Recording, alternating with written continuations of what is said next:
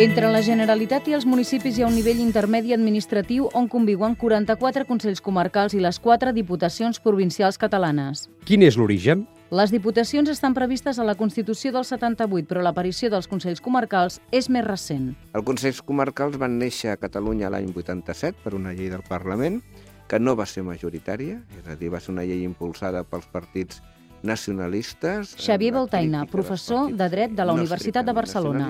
I allà es va produir un solapament entre les funcions dels Consells Comarcals i les Diputacions. Quines competències tenen? la cooperació i l'assistència tècnica, econòmica i jurídica. Actuen per complementar les capacitats que no tenen els municipis, sobretot els petits i els mitjans. Josep Ramon Fuentes, director del Departament de Dret Públic de la Rovira i Virgili. Per la pròpia llei, hi han les que els hi puguin delegar als ajuntaments o la pròpia Generalitat, relacionades, per exemple, amb el tema dels museus, els arxius, relacionades amb l'ensenyament, doncs, el tema dels menjadors, el tema del transport escolar, Segons el professor Voltaina, les diputacions tenen més pressupost i poden oferir més serveis. La realitat pràctica és que una diputació com la de Barcelona o la de Tarragona, Lleida o Girona tenen una major capacitat de recursos econòmics, tècnics, organitzatius, humans per prestar la seva funció d'assessorament, ajuda, coordinació, cooperació, realitzar serveis, realitzar obres que un minifundi de Consells Comarcals. Com s'estructura la Diputació? La Diputació,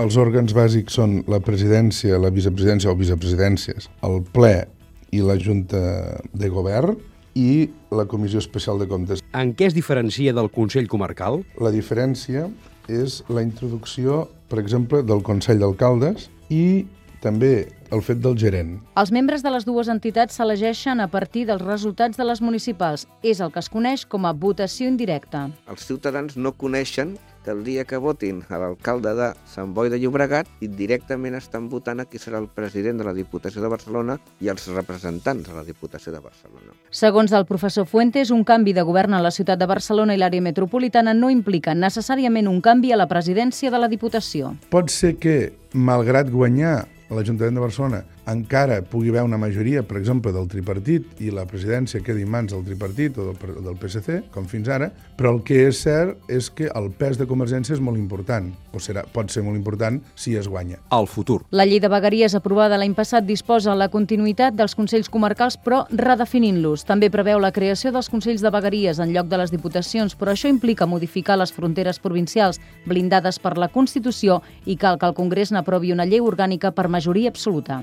L'Estatut d'Autonomia i les lleis el que ve a dir és que a Catalunya substituïm el concepte província pel concepte vegueria i substituïm el concepte diputació provincial pel Consell de Vegueria. L'altre debat és que en lloc de 4 han de ser 7 i aquest és una qüestió que té que implicar-se a Madrid i una modificació de les lleis. El govern ha deixat en suspens l'aplicació de la llei de vegueries.